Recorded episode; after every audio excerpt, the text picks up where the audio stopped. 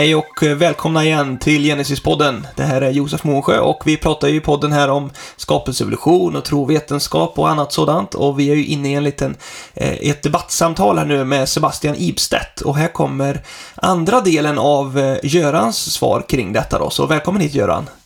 Mm, tack. Eh, vi kör väl och hoppar in i detta direkt igen då. Man får ju se till att ha lyssnat på föregående del för vi fortsätter där vi avslutade det. Och vi höll ju på att yes. prata om det här med IRV och som det kallas och, och virus och hur eh, man tänker att de skulle ha eh, attackerat vårat DNA och grejer. Eh, och de, de frågorna som vi hade kvar kring det är just detta, du förklarar en hel del där, men det finns ju sådana här ERV då som är, sitter på samma plats liksom och likadana hos människor och schimpanser och det eh, menar ju Sebastian att det pekar på att eh, vi verkligen har gemensamt ursprung med eh, de här aporna eller schimpanser och annat. Eh, annars borde det inte vara så identiskt. Precis. Nej, men det, det är ett sätt att se på det, helt enkelt. Eh, absolut. Så att, för jag menar, om till exempel en, en, eh, om två primater, då, alltså en människa och en schimpans säger vi. Om, om de har exakt samma sån här ERV då, eh, alltså ett stycke DNA som, som är liksom lite upprepande i sin karaktär och, och så vidare. Och, och, så sitter de, säger vi, på exakt samma ställe i arvsmassorna, eh, i samma kromosom kanske. Och de verkar inte ha någon funktion eller sådär. Va? Man skulle kalla det för skräp-DNA då. Ja, okej. Okay. Då, är, då är, precis som du säger, där, så den traditionella eh, tolkningen av det här då, inom evolutionsteorin, det, det, är då alltså att ja, generellt, alltså alla likheter mellan organismer då, eh, både i anatomin och genetiken, så här, det beror på evolutionärt släktskap. Då, och I det här fallet då så skulle det bero på att människan och schimpansen har en gemensam urmoder som levde för kanske 6-7 miljoner år sedan. Och, eh, och, och, och, och, den, hon, hon då hade just den, det här, fått en infektion och fått det här ERV in i sitt DNA. Då. Och sen så har då alltså den stammen, kan man säga, grenen där människan utvecklades efter skilts då ifrån den där som utvecklades till schimpanser och så har tiden gått. Och så sen nu då så idag så sitter de där i båda då. Och precis som Sebastian säger så är, är ju, det är verkligen så. Sannolikheten är astronomiskt liten verkligen för, alltså i praktiken helt utesluten för att båda skulle råka få samma hoppande gen i, infogad på exakt motsvarande ställe i DNA, både schimpansen och människan. Då. Så I fråga om det är vi helt överens. Det är verkligen otroligt att det skulle kunna vara på det sättet. Men eh, då är frågan då om man måste tänka i termer av gemensamt släktskap. Och då säger jag nej. Eh, man kan säga så här. Eh, alltså eftersom både schimpansers och människors arvsmassa alltid utsätts för mutationer då, så förändras arvsmassan över tid. Men inte alltid. För att vissa delar av DNA, säger man inom evolutionsbiologin, det är konserverat. Det har, det har alltså inte förändrats under evolutionen. Och det kan då bero då till exempel på att om det någon gång har skett en mutation i en väldigt men, viktig, känslig gen så har effekten på individen som får den mutationen blivit så allvarlig så att den individen har kanske dött eller inte kunnat få några ungar eller sånt där utan selekterats bort av det naturliga urvalet. Då. Och, eh, och, och, och därför så, eh, så har den eh, genen då blivit förblivit som den har varit hela tiden. Så, så tittar man till exempel på den levande världen så finns det ungefär 500 gener som är praktiskt taget identiska hos alla levande varelser. Alltså bakterier, bananer, människor. All, allt har exakt eh, de här 500 generna finns hos alla. Liksom. De är verkligen konserverade då, ut, utifrån ett evolutionärt perspektiv. Ja, Okej, okay. men vänta nu. Om det nu är så att människan och schimpansen i vårt exempel här då hade samma ERV på samma ställe i sina arvsmassor. Då betyder ju det att de här ERV har konserverats under evolutionen. Och det betyder i sin tur att de har en viktig funktion i både schimpanser och människor. en funktion som vi alltså inte känner till. Det verkar som att det var bara funktionslöst skräp men det faktum att de inte har förändrats överhuvudtaget eller obetydligt lite under citationstecken 6 miljoner år det bevisar ju faktiskt att, att, att det finns en funktion hos båda de här organismerna då. Och det här, det här gäller så kallade pseudogener och det gäller transposoner och ERV och sånt, allt sånt där. Det vill säga förklaringen kan till exempel vara den att de har en viss central funktion i någon viss celltyp i ett visst stadium av embryoutvecklingen och så har man bara inte råkat studera just där och tittat där. Va? Så att så att likheter mellan två olika slags organismer behöver alltså inte tolkas som evidens för gemensamt ursprung utan som evidens för gemensam funktion. Då. Gud skapar, jag säger så här då, Gud skapar dem inte genom evolution utan han designade dem, de här ERV för att de skulle funka på liknande sätt var för sig i de här två olika varelserna som är ganska lika anatomiskt sett. Okej? Okay? Finns det något som skulle, det är alltså två olika synsätt då. Va? Finns det något som skulle styrka att den ena förklaringen är bättre än den andra? Att till exempel det jag säger nu då med design att det skulle vara bättre än gemensamt släktskap. Ja, till exempel om man tittar på den där, jag nämnde i förra programmet att det finns en sån här ERV som är inblandad i moderkakans utveckling hos, hos människan till exempel. Där vore det ju rimligt då att alla däggdjur hade samma ERV där eftersom alla antas härstamma från ett och samma urdäggdjur. Då. Men se, så är det inte. För man har hittat åtminstone sex stycken helt olika ERV bland eh, däggdjur då, som alla sitter på exakt samma plats i deras arvsmassa. Och alla sex, de här olika ERV har exakt samma funktion, nämligen att de sätter ner immunförsvaret. Hur stor är den chansen egentligen att det vid sex olika tillfällen, eller kanske fler för man har inte undersökt alla på något sätt, att, att de råkade hamna på precis samma ställen i samma, i, i samma kromosomer och allt detta som då möjliggjorde fortplantningen. Och det är tydligt det... då att det är sex olika ERV, ja, så det, det kan inte vara ett helt... som har utvecklats nej, till olika. Nej, de är helt, de är, de är verkligen väsensskilda från varandra i sin struktur de här. Men tittar man istället på ett skapelseperspektiv på det här då, så skulle man säga att en skapare är ju fri. Eh, eh, alltså en programmerare, en skapare, programmerare skulle kunna använda vilken programvara han vill egentligen. Alltså han kan använda samma programsnutt i helt skilda organismer för att få samma, eller ibland olika funktioner, eller som i det här fallet helt olika programsnuttar för att få samma effekt. Ungefär som vi använder oss av synonymer när vi pratar med, med språket. Liksom, så att, så att eh, här skulle jag säga, det här eh, vittnar istället om eh, eh en eh, design eh, och, och vittnar emot en, en slumpmässiga processer i, i, i det här. Ja. Yes, är vi klara där Göran? Sen, I så fall så, jo, du ville säga något om virus också? Ja, men sen, sen, ja, men sen kommer vi till det här med mönstret, i, alltså de här mönstren då mellan, eh, mellan olika varelser. Då, och, och då, Sebastian har helt rätt. Han, han säger så här att eh, människor och schimpanser har flest gemensamma ERV. Då.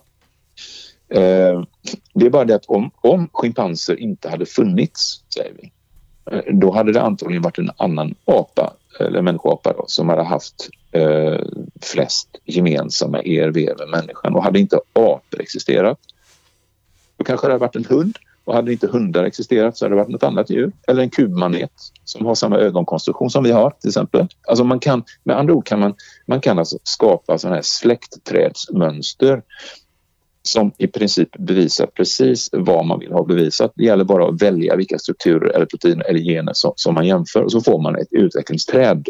Det, det blir med nödvändighet då. Va? Men det, det, här mönstret som, som eh, Sebastian talar om då när det gäller ERVR i, i primaterna, det är inte entydigt heller därför att till exempel så har människor orangutanger precis likadana ERVR som schimpanser inte har till exempel. Då. Och det är likadant med människa och gorilla. Så att då måste man liksom ha tilläggsförklaringar då som till exempel att just de ERV de har deletats från schimpansernas arvsmassa. Då. Så det, blir, det kan bli jättelångsökta förklaringar tycker jag och många med mig. då. Eh, så att... Eh, så. Just det. Men, jo, mm. ja, men precis. Men, men då kan man säga så här då. Hur kommer det sig då att... Eh, vi, vi kom in på det här, nämnde då sist det här med liksom att eh, det finns retrovirus, eh, HIV-virus som är så lika moderkaksgenen hos, hos människan då så att man undrar liksom, det måste väl vara så att ett virus angripit oss in, integreras så här då. Är inte det verkligen bevis för att däggdjur smittades med HIV eh, och så omvandlades det till en moderkaksgen? Nej, säger jag då. Det finns en mycket rimligare förklaring och jag antydde det liksom i slutet på förra föredraget då att det kan vara så att sådana här retrovirus faktiskt är RNA som har kommit på rymmen och det här vill jag säga några ord om då. Jag nämnde det här i, eh, i den här boken då, Fyra kristna diskuterar skapsevolution och, eh, och Sebastian, det verkar som att Sebastian tolkar det som att jag hittat på det själv ungefär. Men det, det är faktiskt så att, att, att virus kan vara rymlingar från eh, högre organismer då. Det är en, eh, det är en vedertagen hypotes. Det är bara att läsa på Wikipedia så kan man, kan man läsa om det där. Så det finns, det finns alltså framförallt två vetenskapliga hypoteser om hur RNA-virus har uppstått. Och det ena är att de uppstod helt alltså på egen hand. Då, va?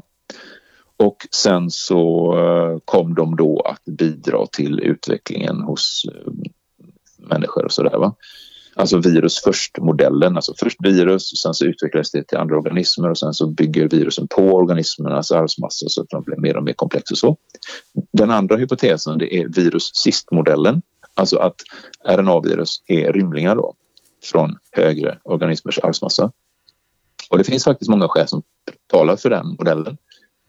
Eh, och, och, det är ju i så fall, om den är sann, så betyder det ju att den här idén om att virus skapar oss är helt fel i så fall.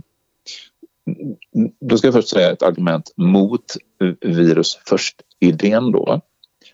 Och det vet jag, om jag inte minns fel så hade vi ett, eh, ett, ett, ett program som handlade om det här med eh, RNA-världen. Visst hade vi det? va? Ja, det hade vi lite. Ja. Jo, men lite så. Det. Det, det, alltså den som har hängt med i vaccin, vaccindebatten här nu vet ju det att RNA måste man förvara vid minus 70 grader för att det inte ska brytas ner. Lägger man lite RNA i en vattendroppe på, på köksbordet så, så är RNA nedbrutet på några minuter bara. Va? Så att RNA är väldigt, väldigt känsligt. Och det, det går heller inte att framställa RNA på ett laboratorium utan att använda sig av extremt avancerad kemiteknik och utan att gå och köpa råvarorna eh, på ett apotek där de är hämtade från redan existerande levande varelser. Så. Eh, så det talar verkligen emot virus först-idén, eh, nämligen, nämligen att, att själva ingredienserna till, till de här virusen kan, kan, eh, kan inte bildas liksom, på, på något enkelt sätt. Och, och det, till det ska man då lägga att alla virus, även RNA-virus, är, de är helt beroende av alltså, alltså, eh, eukaryot, alltså komplexa cellers ämnesomsättning för att eh, kunna kopieras då. Eh, speciella enzymer och sånt där. Va? Och det finns en massa andra invändningar också. Så att virus först-idén kan man säga är ganska rökt skulle jag säga då. Däremot då så om vi nu tar virus sist-idén som, jag, som jag är inne på här nu då, då. Eh, det är alltså, då kan man konstatera att steget från att man har en hoppande gen som alltså hoppar inom en cell i arvsmassan eller hoppar till en eh, annan cell i organismen då eh, till att lämna organismen och bli ett virus som hoppar mellan individer i en population. Det steget är egentligen ganska litet. Eh, egentligen så, så är, är, det det enda som behövs egentligen ja, men det är att rymma och, och ha med sig några kemiska små molekyler som förhindrar att, att, att eh, man blir upptäckt av den där nya individens immunförsvar. Då. Eh, så, så att det, det, är egentligen ett väldigt litet steg med, med, med liksom RNA på rymmen helt enkelt. Då, va? Problemen, alltså det här med virusproblem, de uppstår egentligen först när ett virus byter värdorganism helt och hållet. Då. Så till exempel eh, tar man influensavirus till exempel, eh, influensa A, så, så finns det till exempel eh, helt naturligt i tarmkanalen hos änder och det är inga symptom hos dem. Men när de infekterar andra organismer som till exempel människor, då uppstår det liksom problem med det här. Då. då. HIV-virus till exempel finns normalt i vissa afrikanska apor, påverkar inte dem och de har normalt fungerande immunförsvar och allt sånt. Men om de överförs till andra arter, då kan det då uppstå aids-symptom och sånt där. Då. Så, ännu en gång, samma evidens, olika tolkningar beroende på hur man väljer att lita eh, till evolutionära tolkningar eller Bibelns texter. En fråga här och bara, Eran, som klarar ja, lite kanske. Absolut. Eh, eh, virus, RNA på rymmen då, gäller det alla sorters virus detta eller är det bara specifika virussorter du pratar om? RN, nu, nu, nu, har vi pratat om ERV då, som är retrovirus och det är virus som har RNA då va. Eh, Alltså tittar man på ett, ett, annat virus, alltså ett viruskonstruktion, tittar man till exempel på bakteriofager, sådana bakterier som angriper bakterier, vilket jag tror att vi också pratar om i ett annat program, då kan man konstatera att de har en fantastisk design. De ser ut som små månlandare eh, månsonder där med, med, med Och du behöver inte gå in mer på det, men jag bara menar, nej, det syftar på vissa då, sorters virus detta nej, alltså. Så att, så att eh, virus har en oerhört viktig funktion i naturen, alltså Mm. generellt sett. Så, så, så vissa grupper av virus är jätteviktiga i, i naturen. De håller till exempel bakteriepopulationer i schack och sånt där. Va? Så att eh, jag skulle säga att det är helt uppenbart att virus eh, har en normal viktig funktion i naturen. Men virus, precis som bakterier, kan få för sig saker eh, eh genom mutationer kan de så att säga, förändra sitt, sitt beteende och angripa och bli parasitiska och ställa till eh, bekymmer. Och eh, det skulle kunna vara så rent av. Alltså, jag betraktar alltså virus generellt som skapade varelser, eller vad man kan kalla dem. Eh, men det kan också vara viruspartiklar som, som de här eh, eh, retrovirusen kan vara sekundära, det vill säga de kan ha rymt från sina vär, värorganismer och, och, och sådär. Det, det, det, är hypoteser där men det är, det är i alla fall kan man säga, ett annat sätt att se på dem än att se på dem som de varelser som har skapat oss. Vilket man gör inom evolutionsteorin då. Och det, jag vet ju, jag tror inte du har nämnt det nu va, just detta att det finns inte så många belägg att man har kunnat se liksom att de har tagit sig in i vårat DNA. Alltså när det, när det gäller man, man, har, man har kunnat... Eh, man, man har hittat i... Alltså, grejen är de måste ju, det räcker inte att de bara infekterar och alltså, går in och eh, stoppar in sin arvsmassa i en hudcell eller så. Utan för att det ska kunna bli någonting som eh, sprids i populationen eh, på sikt så måste det in i cellkärnans DNA eh, i könscellerna. Eh, och så att det är, det, man tror att man har sett det hos koalabjörnar men, eh, men hos människan har man aldrig kunnat iaktta att det har hänt. Då. Utan i, människans fall så ser man ju då att de här eh, in, eh, hoppande genernas liksom arvsmassa, de finns på massa ställen då och det ser slumpmässigt ut. Eh, och, och, och då, då, har man fått den här tanken om att, att det då är rester av gamla virusangrepp. Men, men, men det är liksom en F man rekonstruerar en historia där. Eh, och jag menar att eh, ja, ja, så kan man se på det. Det är en tolkning av, av evidensen. Men en annan tolkning är att det är en, istället som vi pratade om förra programmet, en inbyggd mekanism för att eh, styra utvecklingen av eh, levande varelser helt enkelt. Så. Har vi fått ta komma vidare här nu kanske? Yes. Jo, eh, det här då med... Ja, just det gå vidare. Jag går vidare. Det var någonting med skillnader och sånt. Ja, precis. Punktmutationer och, och genetiska skillnader då. Ibstedt mm. nämnde ju att, eh, att de här punktmutationerna som han pratade om då, att det finns en viss procentuell fördelning mellan olika sådana punktmutationer beroende på vad det är för eh, bas då i vårat eh, DNA, i DNA där liksom. Mm. Och ja, att det finns en likhet i detta systemet då mellan människor och apor och, och sådär också. Eh, yep. Menar du att är det här ett bra argument för att vi har kommit från gemensamt ursprung? Ja, alltså det, för det första är ju detta tämligen invecklat. Alltså även om man är naturvetare så är det ganska invecklat. Men jag ska, jag ska försöka göra en, jag ska försöka förklara det med en analogi och varför jag anser att det här säger någonting helt annat än vad Sebastian påstår det här mönstret då. Tänk dig att du har att vi, vi har tre högar med böcker säger vi då. En hög med skönlitterära böcker, en annan hög med deckare och en tredje hög med någon sorts ja, men facklitteratur säger vi då. Eh, det kan motsvara arvsmassan, DNA då, hos människor, schimpanser och orangutanger säger vi då. Och varje enskild bok är en individ då i de här högarna. Va? Right?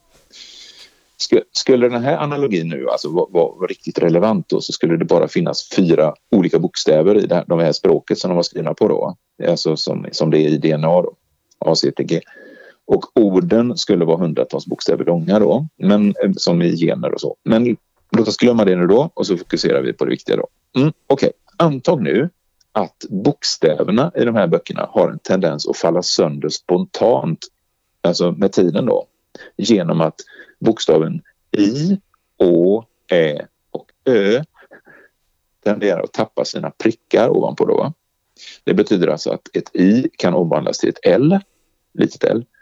Ett Ä och ett Å kan bli till ett A och ett Ö kan bli till ett O. Då. Och så kan man också anta så här att vissa av bokstäverna har mycket lättare för att gå sönder än andra. Så låt oss säga till exempel att ön faller sönder dubbelt så snabbt som Å och Ä. Och in faller sönder nio gånger snabbare. Okej. Okay. Det är inberättat, men man behöver inte komma ihåg alla detaljer här. Men okej, okay. efter en viss tid nu då när man tittar i de här böckerna så kommer man att märka tendenser till att det finns förhållandevis fler av bokstäverna L, A och O. Och i synnerhet eh, finns det många L då eftersom de har sönderfallit nio gånger snabbare än de andra bokstäverna. Då. Nu kommer själva poängen då. Alltså i överförd bemärkelse nu då så menar Sebastian att den här processen med sönderfallande bokstäver det är den mekanism som har skapat de olika slagen av litteratur. Han, han menar i sig att Gud finns bakom kulisserna här nu och, och, och ser till att det händer. mig. Men ändå, han menar alltså att han menar så här också att det faktum att man kan se exakt samma mönster med fler L än O och fler O än A, både när man tittar i samma hög och när man jämför mellan högarna. Han menar alltså att det bevisar att de här olika bokhögarna har ett gemensamt ursprung i en sorts urbok då. Och jag menar att det är en felaktig slutsats, både i fråga om böckerna och i fråga om arvsmassan. Då. Varför då? Jo, för att den här tendensen med sönderfallande bokstäver skapar inte ny information utan tvärtom så förstör den information. Det finns alltså en naturlag som skapar det här mönstret att det blir nio gånger fler L då eftersom i faller sönder så, så mycket fortare. Okej? Okay? Eh, men det som är hemligheten bakom språk, alltså i böcker och i DNA, det är att det inte finns någon naturlag som bestämmer vilken bokstav som ska följa på ett I eller ett O eller ett A eller ett C eller ett G eller ett A eller ett T. Eller Utan det är precis på samma sätt i böckerna som i DNA. Det finns i, I DNA så finns det liksom inga kemiska attraktionskrafter mellan kvävebaserna i en och samma DNA-sträng så att, så att det finns inga lagar som bestämmer att ett A ska hellre sitta vid ett C än vid ett T eller sånt där. Va? Och på samma sätt så är en författare helt fri då i sitt författarskap när det gäller att välja bokstäver och ord och sånt. Så. Ja, men den här sönderfallsprocessen som vi pratar om nu, den är inte helt slumpmässig eftersom det alltså finns en lag som styr fördelningen mellan de där nybildade L och A och O. Och i, i, fallet med DNA så finns det kemiska lagar som styr då hur de här nytillkomna kvävebaserna, hur de fördelas då. Va? Men naturlagar eh, eh skapar inte information utan de är informationens fiende. För att om vi väntade tillräckligt länge så skulle de här böckerna vara fullproppade med L och A och O och informationen skulle vara borta. Och slutsatsen blir då att det mönstret som Sebastian ser här då och som han illustrerar då i ett diagram i den här boken då, på ett snyggt, snygga staplar då. Det är, helt, det är helt rätt. Det är verkligen en konsekvens av att människors arvsmassa och människoapornas arvsmassa har varit utsatta för en kan man säga, genetiskt sönderfall kan man säga då, där kvävebaser har bytts ut då. Eller bokstavligt tappat sina prickar kan man säga då. Men jag skulle säga att han har, han har fel i att det är den metoden som skapat arvsmassorna då. Va? För det här vi, vi snackar om nu, det är en nedbrytande process som mutationer alltid är och inte en skapande process. Och än en gång då, va? varför skulle Gud använda sig av en nedbrytande process för att skapa oss då? Nej, utan jag tänker så här. Gud skapade människor separat och Gud skapade de olika slagen av människoapor separat med en massa snarlika, alltså proteinkodande gener. Det är de man jämför. Så efter några tusen år så har det här mönstret som, som Sebastian visar på, så har det här mönstret uppstått då. Det, det, det, det är alltså någonting som vi som skapelsetroende också förväntar oss. Vi förväntar oss precis samma mönster utifrån samma proteinkodande gener hos olika djur så, så hit, ser vi samma mönster när vi tittar inom de skönlitterära böckerna och mellan de olika typerna av böcker så hittar vi samma liksom, eh, tendens att, att bokstäverna bryts ner eller generna bryts ner. Så att det är två olika sätt, eh, ännu en gång, det är två olika sätt att se på samma sak. Men det betyder alltså att du det som du ser i detta är att det här är en, en process som bryter ner DNA alltså egentligen då? Ja, just därför, just därför att det, när naturlagarna kommer in, alltså kemiska lagar som kommer in här som gör att eh, arvsmassan bryts ner på ett lagbundet sätt. Eh, då man kan se att, att, här har naturlagarna varit inne och spökat och, och, och brutit ner. Eh, så, så, så, så, den, den processen. Men, men eh, som jag sa, alltså naturlagarna är en fiende Alltså, alltså informationen i DNA är kontingent. Det är alltså motsatsen till, till, till liksom lagbunden. Det finns en frihet där. Då, va? Och den, den friheten inskränks när nu mutationerna tillåts att verka i enlighet med kemiska lagar. Då får man liksom en, en rostyta av eh, nedbrytning på de här ursprungligen då eh, arvsmassorna som, som, som från början in, in, inte hade massa sådana här effekter. När Gud skapade eh, eh, de levande varelserna så fanns inte de här mönstren som Sebastian pekar på, men de finns idag. Därför att skapelsen bryts långsamt ner. Det är också, nu går jag lite utanför manus här, får vi se om jag träffar med min fråga då, men är alltså om den här processen skulle fortsätta, nu vet inte jag hur, hur mycket den sker hela tiden och så här, men skulle det betyda att vissa bokstäver i DNA, de blir färre och färre av den sorten alltså. Och andra blir mer och jo, mer. men alltså, det, det, skulle, om vi säger så, om vi, om vi tar den här, den här liknelsen jag tog nu med olika böcker och sånt där och så, och så antar vi att, att det inte fanns 29 bokstäver utan det fanns verkligen bara de här fyra bokstäverna I och Å och Ä och Ö. Så, va? Då skulle liksom efter, efter jättelång tid när vi tittade i de här böckerna, då skulle de eh, bestå då av liksom eh, ett förhållande 9 till 2 till 1 till 1 av de här bokstäverna bara och informationen skulle vara borta. På samma sätt så skulle om, om, om liksom levande varelser var så gamla som, så, som evolutionister menar då, då, då, skulle vi även i arvsmassan då hitta liksom en, ett bestämt 9 till 2 till 1 till 1 förhållande i kvävebaserna hos alla levande varelser. När alltså mutation, punktmutationen har gått generation efter generation i mårmiljarder. Då skulle det bli resultatet. Vi skulle få liksom en lagbestämd komposition av eh, arvsmassan och, och, den finns inte. Den finns inte. Vi har, vi har alltså, därför har inte den processen pågått i miljarder år. Den har pågått några tusen år och därför kan vi se mönstret men det är inte på något sätt, alltså genomsyrar inte på något sätt eh, eh, levande varelsers arvsmassor.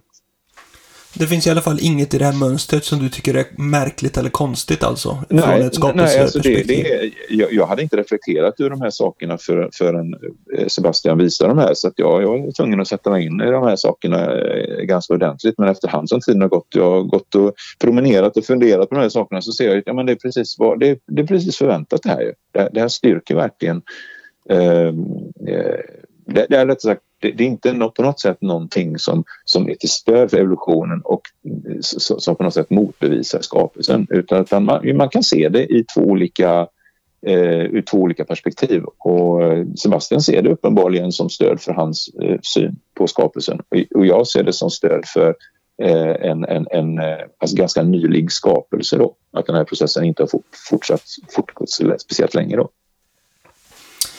Precis. Ha, vi, räcker det där? Vi går vidare till nästa, eller vad säger du? Ja, jo, men det kan vi göra. Yes. Eh, lite det här med mm, evolution, nya evolutionära processer pratade ju jag och Sebastian om också och eh, något som kallas då för fenotypisk plasticitet. Och vi har försökt spela in någon gång Göran och jag känner att jag missar hela tiden eh, vad gäller vad det kan vara för exempel på den här fenotypiska okay. plasticiteten. Men har du något bra och, och eh, även kring detta då så handlar det ju om eh, ja, anpassningsförmågor och sånt där i alla fall då. Eh. Mm. Ja.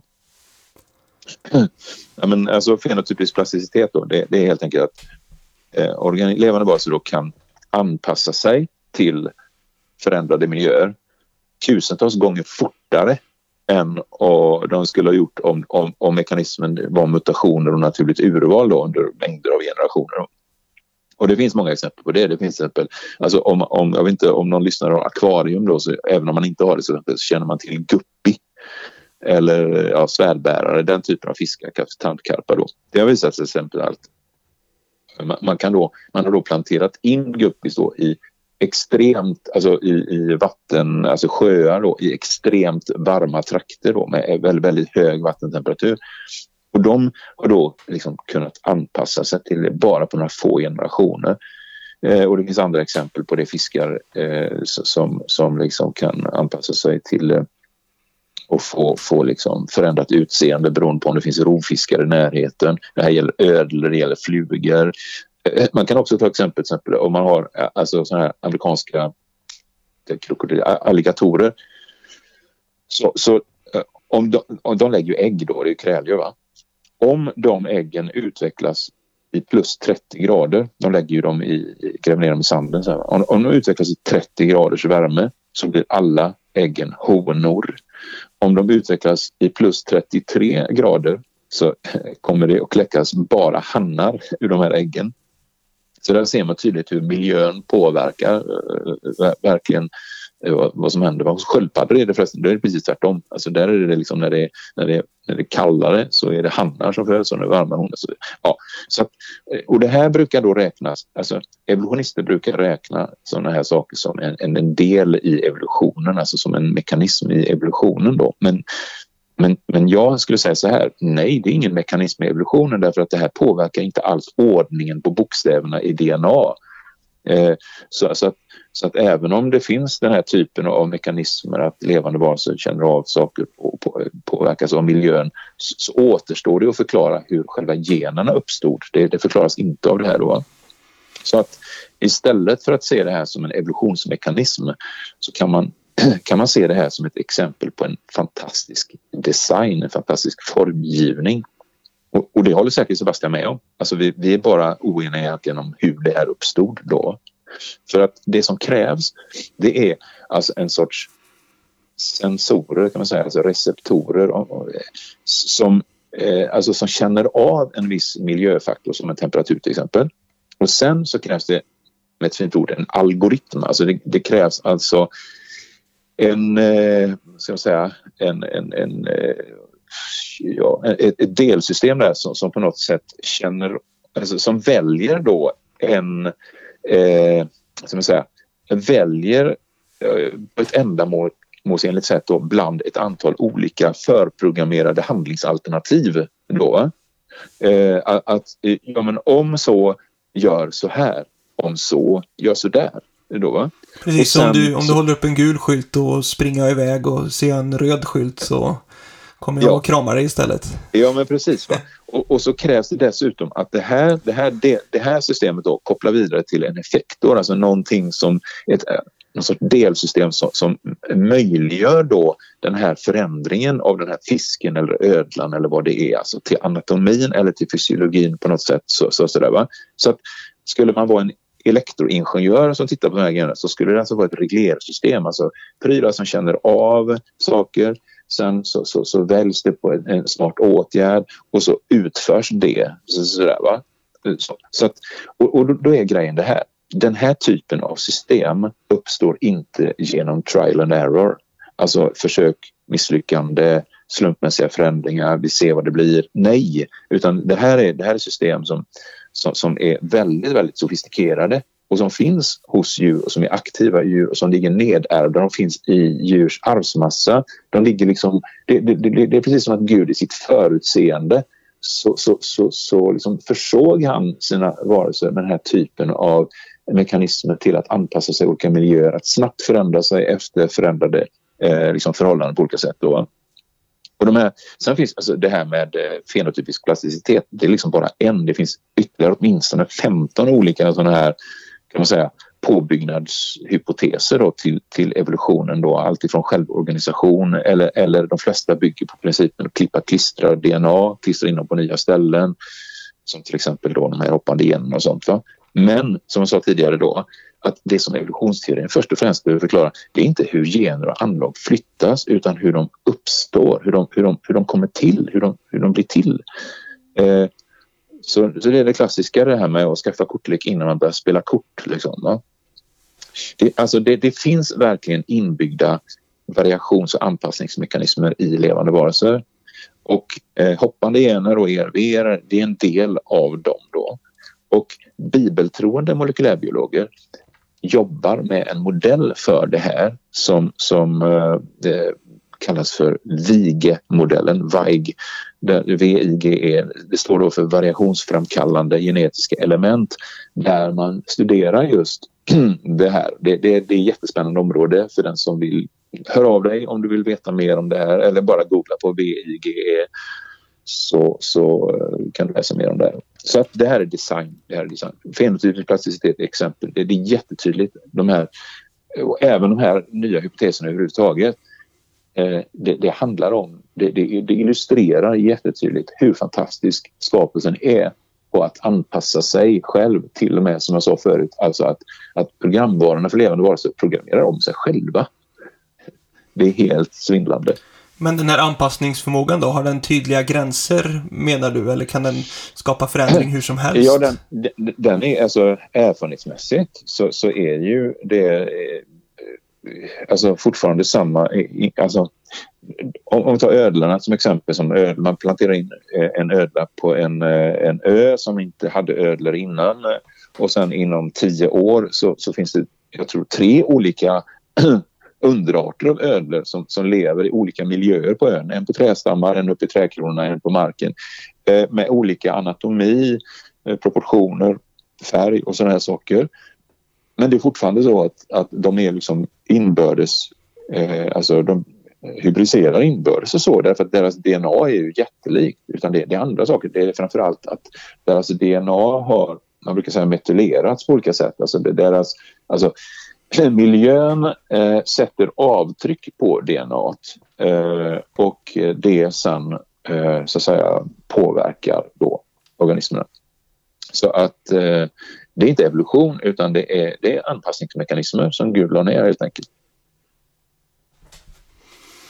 Yes. Något mer kring det Göran? Annars ska vi gå vidare och prata Nej. lite om Adam och Eva. Vi hoppar, tiden går.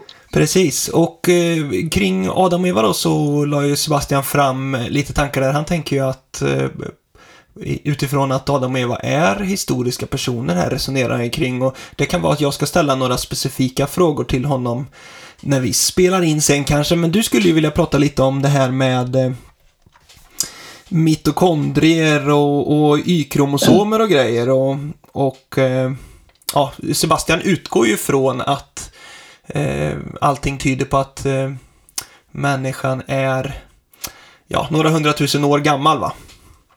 Jo, Precis. Eller människans uh, DNA i alla ja, fall, ska vi säga. Ja, men precis. Ja, men han, han tog upp det här med, med uh, han sa alltså genetiska uh, förfäder och genealogiska förfäder och så menar han att Bibeln fokuserar på det här med genealogier, alltså det vill säga släktträd och sådär va. Och att de, Bibeln inte har så mycket att säga om de genetiska förfäderna och sådär. Och jag, jag och sen säger han så här att det är liksom problematiskt om Eva skulle ha levt för 500 000 år sedan och det håller jag med honom om helt då. Va? Men om jag förstår Sebastian rätt så accepterar han tanken på en genetisk Eva då för, för ett par hundratusen år sedan. Uh, och, och, och, och, det stämmer ju inte med Bibelns släkttavlor sådär va? utan uh, och han tänker så här, ja men då tänker Sebastian så här, tror jag i alla fall, att då tillåter det en syn att det fanns många andra människor, eller nästan människor, eller vad ska jag säga, samtidigt med Eva och Adam då. Och då skulle jag vilja, ja men ja, det, det är liksom Sebastians eh, syn på det här och då skulle jag vilja bara ge en motbild även i detta. Eh, och då skulle jag säga att, jag skulle säga så här att evidensen talar för att våra genetiska förfäder och våra genealogiska förfäder är samma. Eh, alltså jag menar att genetiken stöder det bibliska scenariot med en Eva och en Adam som levde för några få tusen år sedan. Och då är vi inne på det här med mitokondrie-Eva och, och Y-kromosom och sånt här. Och då, då är det så här att helt kort, eh, för er som inte har hört det förut så är det så då att i, cell, i våra celler i alla celler, i själva verket i alla levande varelsers celler i princip, så, så finns det något som heter mitokondrier. Och mitokondrier är cellens små kraftcentraler kan man säga. Eh, och eh, de, de, är då livsnödvändiga då. Och eh, i de här små kraftcentralerna så finns det en liten snutt med DNA. Eh, det, annars är DNA koncentrerat till cellkärnan. Där finns det typ 3 miljarder bokstäver i DNA och i de här små mitokondrierna finns 15 000 eh, bokstäver av DNA istället så det är väldigt, väldigt små snuttar där då. Men det intressanta med de här mitokondrierna är att eh, eh, mitokondrier finns det i äggceller men inte i spermier. Det kan finnas i spermier men de, de eh, försvinner. Liksom. Så att i, i princip kan vi säga så här att eh, mitokondrier ärvs eh, via mamman då hela tiden. En kvinna lämnar över sina mitokondrier till, eh, till barnen då. Men pojkarna som föds lämnar aldrig över några till nästa generation utan det är hela tiden kvinna till kvinna till kvinna. Okej, okay, då vet vi det. Nu är det så här då att om man då jämför mitokondrie-DNA eh, det är ganska behändigt eftersom det är så pass få då, bokstäver som 15 000 då. Då kan man då liksom kartlägga hela eh, eh, mitokondriegenomet då, så, hos en kvinna. Och så kan man jämföra det med andra kvinnor från olika delar av världen. Och det har man gjort. Eh, och ibland är det då små skillnader och ibland är det större skillnader. Och, eh, och så är det så här att hur har man då kommit fram till den här siffran på ett par hundratusen år? Man brukar säga ibland 130-140 000 år och en del sträcker sig till 200 000. Eh, att då levde då alla nu levande kvinnors urmoder levde då. Och hon brukar kallas då mitokondrie-Eva av den, den anledningen då. Och det betyder inte att det bara fanns en kvinna då, men att alla, alla, ja, alla kvinnor har ärvt sitt, eh, sin mitokondrie ja. från henne? Av, av olika skäl så är det just bara en enda kvinna eh, som har då lämnat sitt mitokondrie-DNA kvar. Och det fanns då andra kanske, men de har då inte lämnat sitt DNA kvar eh, vidare av olika skäl. Och eh, det här är helt enkelt så att det är så pass små skillnader egentligen i, i antal eh, mutationer. Så att, eh, så. Men då, okay. men då, då är frågan hur vet man då att det var eh, sådär 140 000 år sedan eller vad det nu kan vara. Hur vet man då att det var den åldern? Och då är det så att vad vi vet det är ju då hur många sådana här mutationer som skiljer då, eh, kvinnor åt i, sitt, i deras DNA. Då. För att ta reda på hur lång tid det har tagit för att de skillnaderna ska uppstå då måste man veta med vilken hastighet som mutationerna och de här skillnaderna uppstår då hos kvinnor. Då kan man räkna tillbaka i tiden och få en, en, en ålder på den här urmodern då, för hur länge sedan hon levde. Och då finns det två sätt att beräkna den hastigheten på. Det, det ena sättet det är att man tittar på en schimpanshonas mitokondrie-DNA och en en kvinnas, eh, vilken som helst, eh, mitokondrie-DNA. Och så tittar man på hur många skillnader det är där. Det är ganska många skillnader. Okej? Okay? Sen så eh, måste man ha en tidsfaktor också. Och då, då, vet man ju då eh, citationstecken, att eh, människor och schimpanser skildes åt för ungefär 6-7 miljoner år sedan. Okej, okay, då har vi tidsfaktorn. Då delar man antalet skillnader i DNA mellan schimpans och människa med tiden. Och så får man då en hastighet i mutationer per år, eller egentligen per generation då. Okej? Okay? Eh, då, då, har vi den siffran. Och när man då tillämpar den, när vi alltså ser hur stora skillnader det är mellan kvinnors DNA och den hastigheten, då får man åldrar på ett par hundratusen år då, knappt. All right. Men det finns ett annat sätt också att beräkna den här eh, mutationshastigheten på. Och det är att göra faktiska observationer, faktiska mätningar på det sättet att man tar en, eh, en gammal kvinnas eh, DNA eh, mitokondrie-DNA och så kartlägger man det. Och så tittar man på hennes dotters eh, mitokondrie-DNA. Och så kartlägger man det. Och sen så tar man henne dotters eh, mitokondrie-DNA och tittar på det. Och då får man liksom eh, ett, ett, ett observerat mått på hastigheten. Eh, och det här har man gjort då i ett antal släktlinjer och det visar sig att den hastighet som man då får på mutationerna är 20, en faktor 20 gånger högre än den hypotetiska eh, mutationshastigheten som han har räknat fram utifrån schimpans människa. Och det innebär att tiden måste divideras med 20. Alltså mitokondrie-Evas eh, ålder eh, ifrån vår tid då räknat eh, måste divideras med 20. Och dividerar man då, säg dividera 140 000 med 20, vad får vi då? Vi får 7000 år att, att mitokondrieva levde för 7000 år sedan. Så vi har alltså två metoder att mäta mutationshastighet på. Den ena metoden är hypotetiskt framräknad utifrån antagandet att människor och schimpanser har gemensamt ursprung. Den ger höga åldrar. Vi har den som man faktiskt mäter upp. Den ger låga åldrar. Vilken av de här metoderna är allmänt accepterad i vetenskapliga cirkulära sammanhang?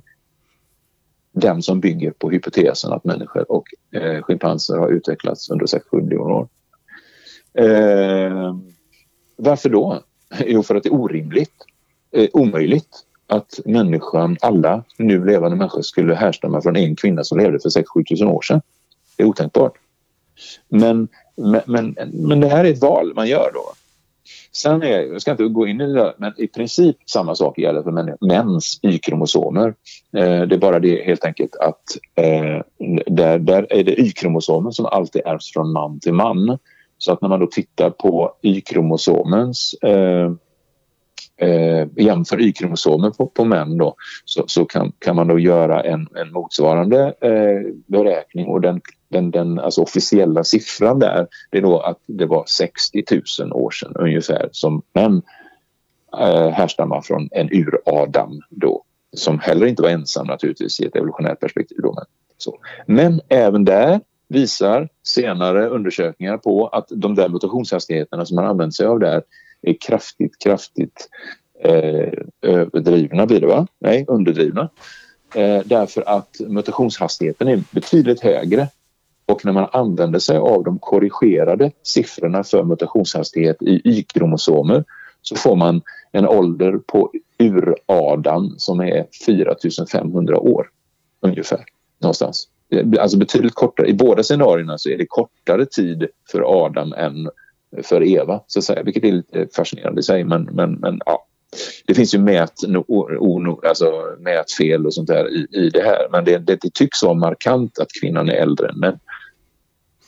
Det är klart det är lite spännande då om vi ska ta det givetvis då att det är klart att eh, i, i Bibeln då så är ju eh, Noa där, då var ju alla män där var ju nära släkt då så då borde de haft samma Y-kromosom va. Men eh, de kvinnorna ja, lite... som var med på arken de hade kanske olika mitokondrie-DNA då så att då Härstammar ja, de från alltså, tillbaka? Om, man, om man är beredd att, eh, så att säga, tänka så här, tänk om Bibeln har något viktigt att säga i det här sammanhanget. Då, då, då, då, skulle man ju kunna se det så som du säger att det är faktiskt så att alla män som kom ut ur arken hade en och samma Y-kromosom bortsett från att det kanske hade skett en och annan eh, punktmutation i Sem, Ham och Jafet. Då. Men, men, men, men och ifrån den Y-kromosomen, alltså Noas Y-kromosom, har då alla nu levande mäns Y-kromosom härstammat. Och det var inte så alltså det var betydligt kortare tid sen än, eh, än, än, än om vi ser på kvinnorna som var ombord i arken. Det var ju säkert inte tre systrar liksom, som Noas söner var gifta med. Det finns inget som antyder det. Utan, utan det var ju liksom kanske, det vet vi inte, men troligen var de obesläktade eller relativt obesläktade med varandra.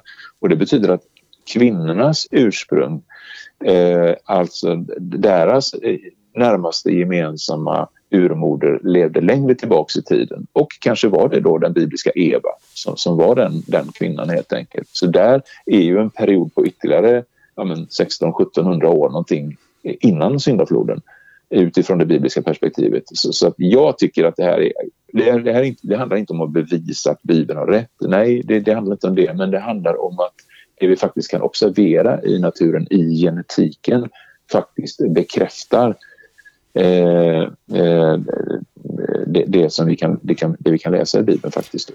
Det vill jag, säga att... Eh, jag ja. tänker spontant säga att det är klart att det skulle kanske kunna finnas någon annan förklaring till de här skilda åldrarna som man observerar där då. Men, eh, men det är ju fascinerande att det inte är tvärtom liksom. Ja, det borde ju... Ja, men det, är det. det stämmer ju med Bibeln i alla fall, eller liksom det skulle kunna vara en förklaring. Ja, men precis. Och jag, här, när det gäller just det här med Y-kromosom-DNA så är det jätte, jättespännande. Det, det, det är verkligen... Det finns, jag skulle rekommendera den som lyssnar att, eh, och som inte har problem med just engelska språket att, eh, att eh, lyssna, eh, googla fram på Youtube eh, eh, The New History of the Human Race. Den nya historien för den mänskliga rasen. Eh, the New History of the Human Race och det är en, en, en genetiker som heter Nathaniel Jeanson. Eh, Nathaniel Jeanson. The New History of the, of the Human Race, ja, tror jag det heter.